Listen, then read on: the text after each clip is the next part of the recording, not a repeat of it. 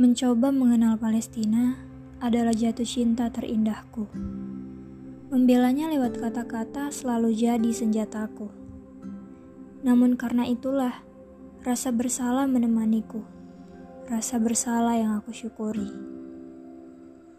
Tak bisa hadir di sana, tak cukup kuat untuk ikut membela, dan tak bisa apa-apa kecuali mengadah.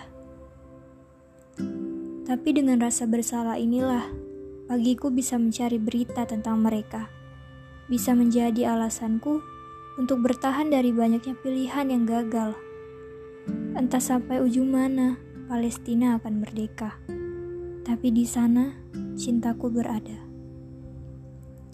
Allah selalu memberi jalan untuk selalu dekat dengannya. Lewat Palestina, Allah membuat hambanya bergerak untuk berjuang demi Islam dengan berbagai cara. Karena itu, aku tak masalah jika dengan rasa bersalah ini makanku tak nyaman atau tawaku tak riang. Karena jatuh cinta terindahku adalah Palestina. Biruh, Biddam, Nafdi Kaya Aqsa.